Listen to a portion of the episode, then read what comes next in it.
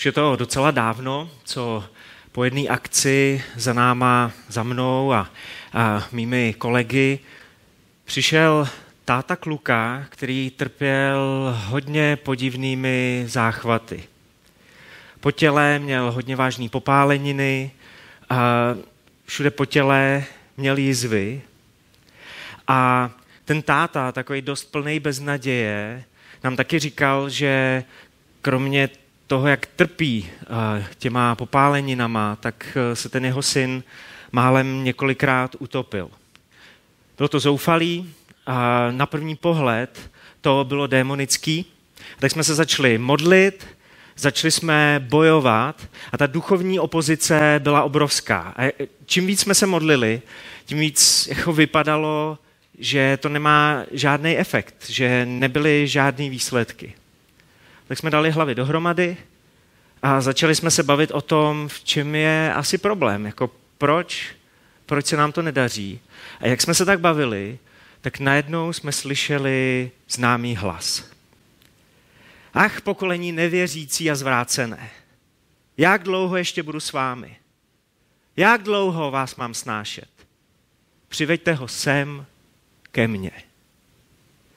Někteří z vás jste pochopili, že nevyprávím svůj příběh, že nemluvím o sobě a o svých kolezích, ale mluvím o Matoušovi, o celníkovi, který se stal následovníkem Ježíše Krista a ostatní učedníci a apoštolové byli jeho kolegové. A Matouš tohle, co jsem vyprávěl, líčí ve svém evangeliu, najdete to v 17. kapitole, zažil to on a ostatní učedníci – Matoušovo evangelium, 17. kapitola, ještě připomenu 18. až 21. verš. Matouš 17, 18 až 21.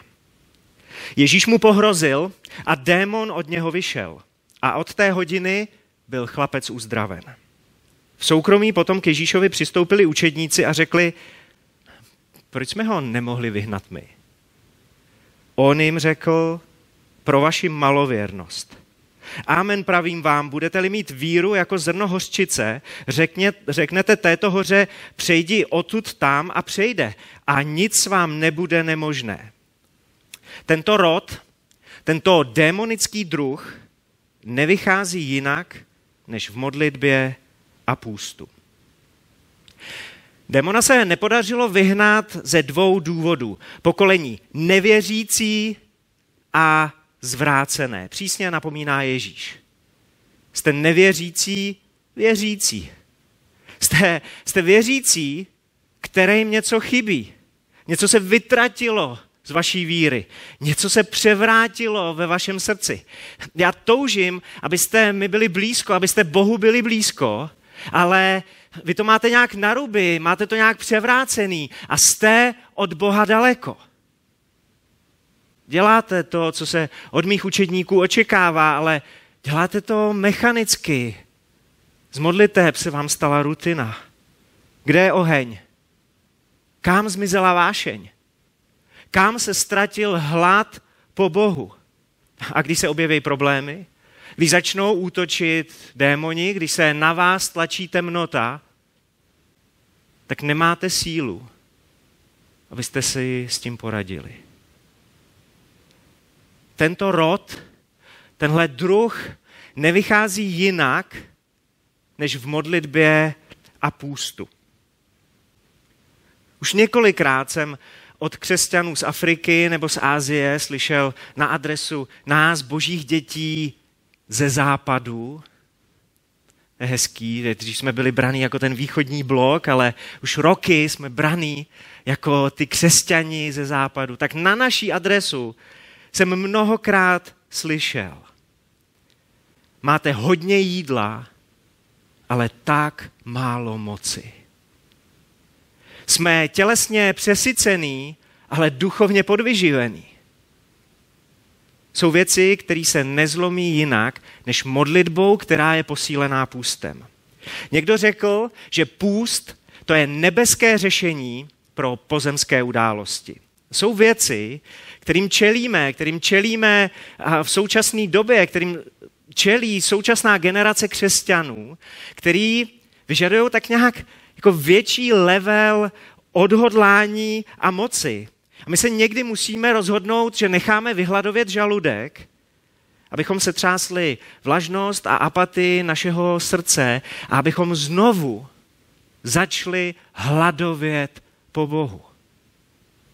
Vášeň v srdci je jako ostří sekery. Časem se stupí. A dokonce čím víc ji používáte, tím víc se prostě otupí. Ale stejně tak, jako můžete nabrousit sekeru, aby zase byla ostrá, tak můžete naostřit vášeň, kterou nosíte ve svém srdci. Nejmoudřejší ze všech lidí, to je přezdívka krále Šalomouna. Napsal několik knih, které máme v Bibli, ve Starém zákoně, je tam taky kniha Kazatel. A v Kazateli 10.10, to se hezky pamatuje, Kazatel 10.10, ten nejmoudřejší ze všech lidí napsal. Stupíli se sekera a nenaostříli se znovu, je nutno víc napnout síly.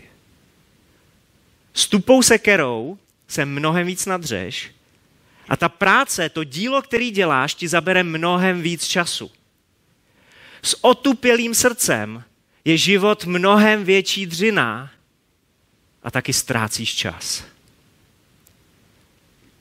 Tak je potřeba si v půstu sednout, tak nějak se zastavit a jako když vezmeš brousek na ostří té sekery, tak půst funguje jako ten ostřící kámen.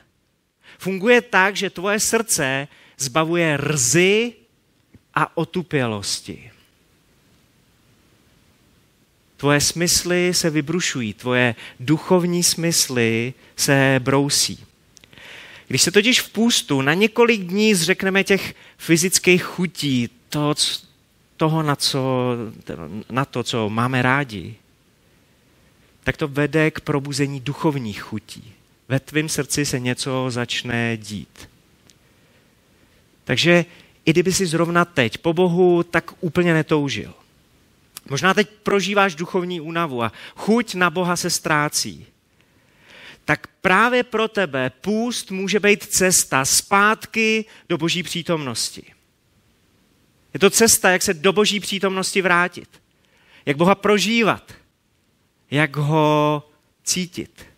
Vírou, svým srdcem.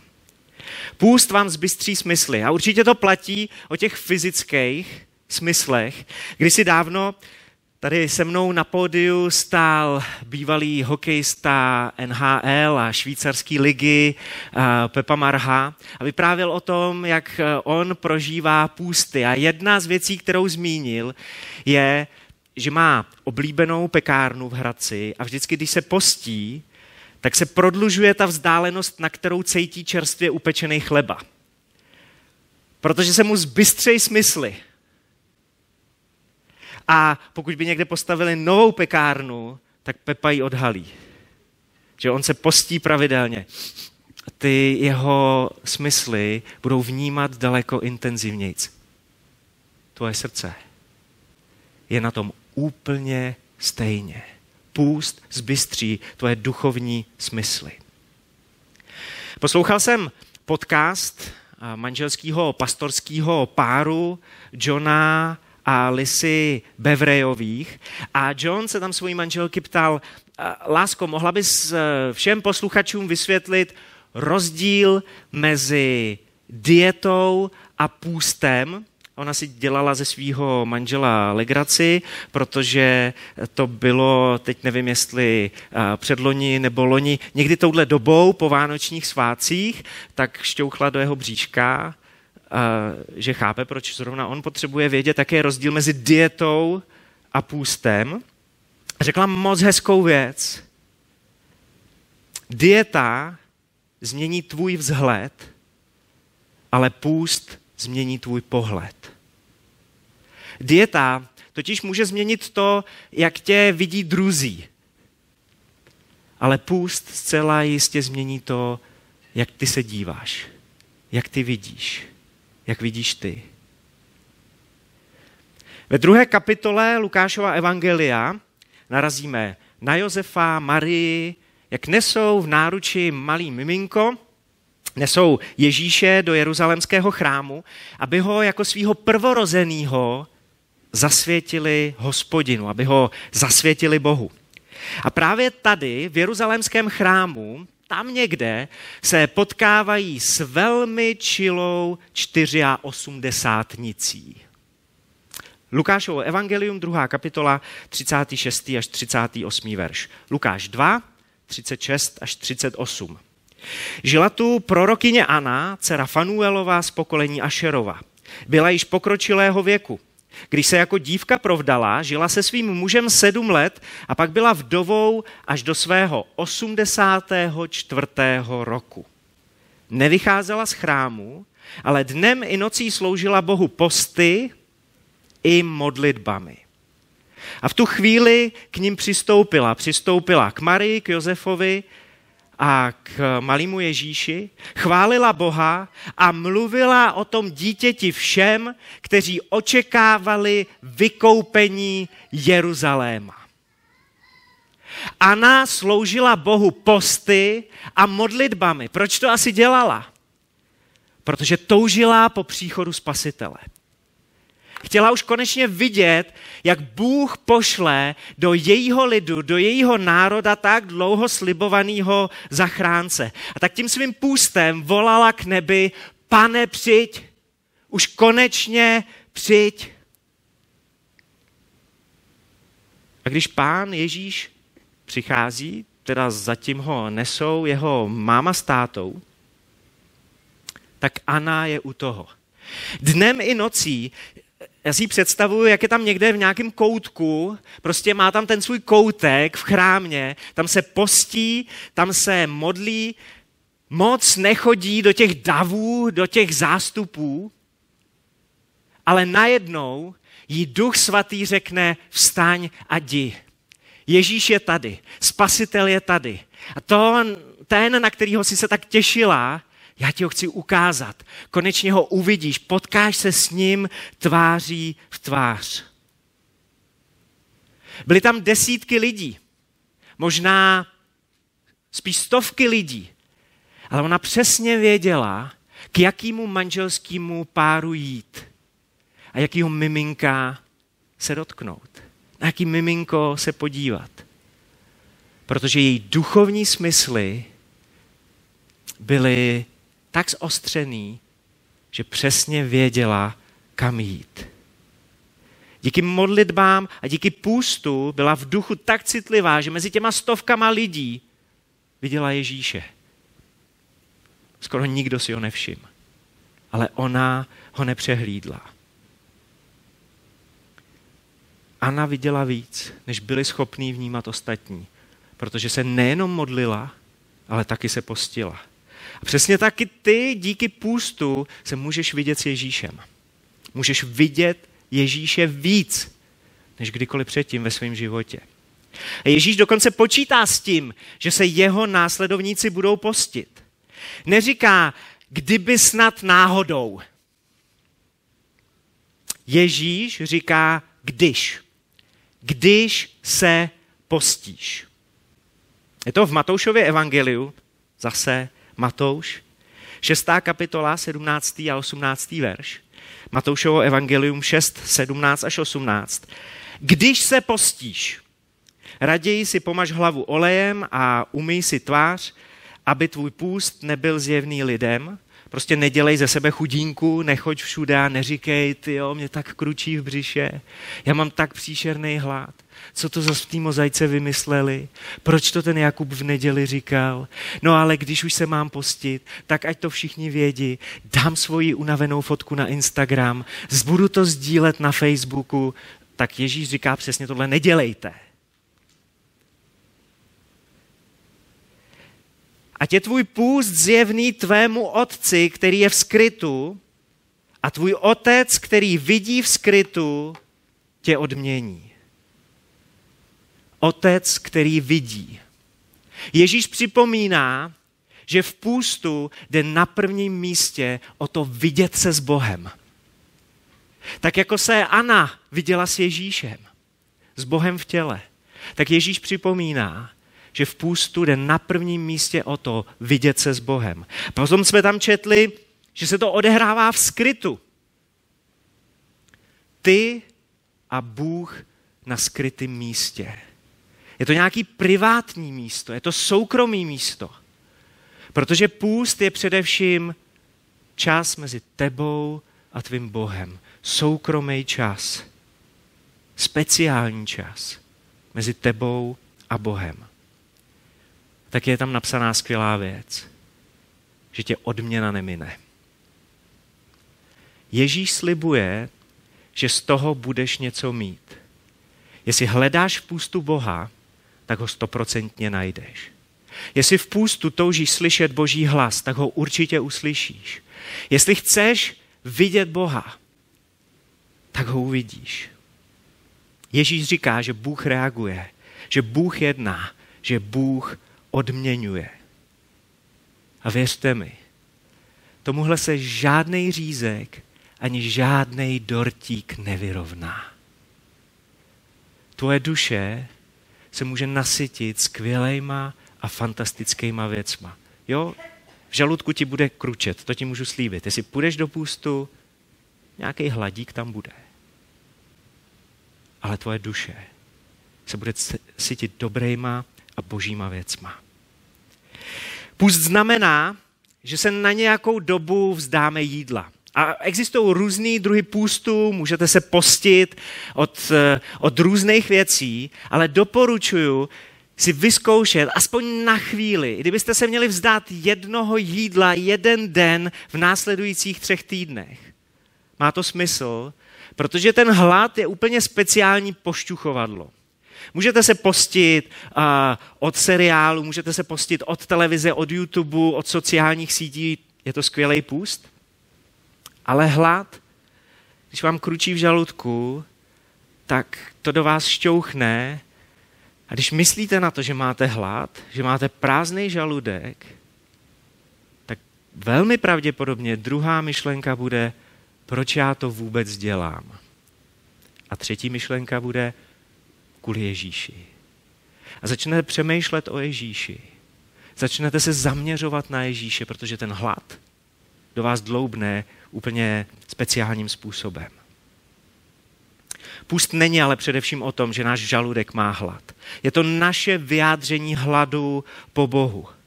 Hlad po Bohu, to, že nám, že nám chybí. Že nám chybí něco božího. Že nám chybí Ježíš a tak chceme víc Ježíše, víc jeho přítomnosti, víc jeho moci v našem životě. Půst je prostě touha. Přijď Ježíši ještě víc. Já tě chci znát ještě víc. Když když si za Ježíšem přišli učedníci Jana Křtitele s otázkou, jak to, že my a farizeové se postíme, ale tvoji učedníci se nepostí, Ježíš jim řekl, mohou hosté na svatbě truchlit, dokud je ženich s nimi, Přijdou však dny, kdy od nich bude ženich vzat, potom se budou postit. A to je zase Matouš, tentokrát Matoušovo evangelium 9. kapitola 14. až 15. verš. Matouš 9, 14 až 15. A tady Ježíš říká, že přijdou dny, kdy, kdy ženich nebude fyzicky se svojí nevěstou a potom je čas na půst. Hádejte, co to je za dobu. Rok 2022. Ježíš s náma fyzicky není. A tak můžeme volat, aby přišel v duchu ke svojí nevěstě. Aby přišel v duchu do našich rodin, do téhle církve. Aby přišel do mých povinností v práci, aby se stal centrem mých povinností ve škole, aby přišel do mých aktivit a koníčků, aby Ježíš přišel do mýho odpočívání. Chybíš mi, Bože. Přijď, pane Ježíši, potřebuju tě víc. A tak vás dneska zveme do 21-denního období půstu. Následující tři týdny se připojíme k hnutí, který se teď jako vlna převaluje celým světem. A tohle hnutí 21-denního půstu trvá už více jak 20 let a my jako mozaika jsme součástí možná kolem deseti let. A, a detaily, jak do toho půstu jít, a, jak se můžete postit, najdete v téhle brožuře. A to, i když jste úplní začátečníci. Možná jste se ještě nikdy nepostili, anebo jste tady byli před tak přibližně dvěma měsíci, to jsem taky mluvil o půstu a já jsem uh, byl na, na kafi s dvěma mladíky, jeden z nich říkal, že se zkoušel postit zrovna v den, kdy jako měl náročný tréninky, tak zjistil, že to není to pravý ořechový. Tak jiný den. A znova. Pozvání do půstu dovolání, přijď Ježíši víc. Protože Ježíši my jako mozaika toužíme, aby si byl mezi náma víc než kdykoliv předtím.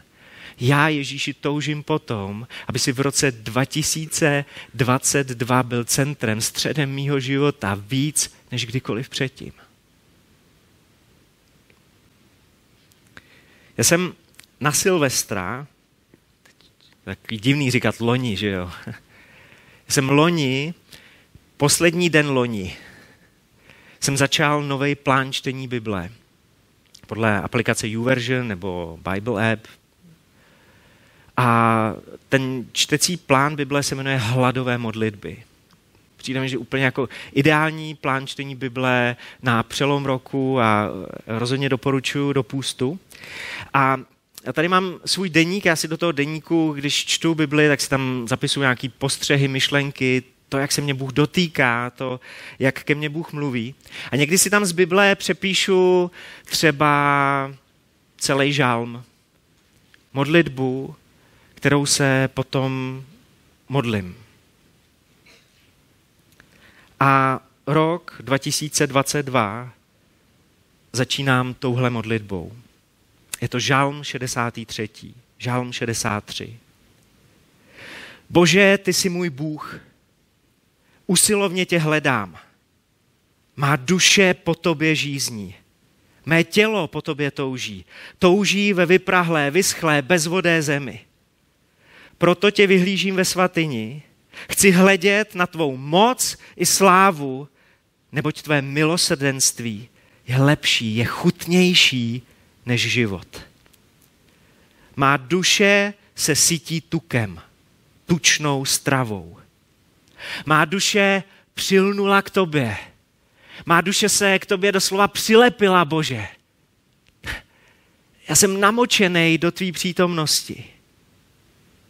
Tvoje pravice mě podepírá. Amen.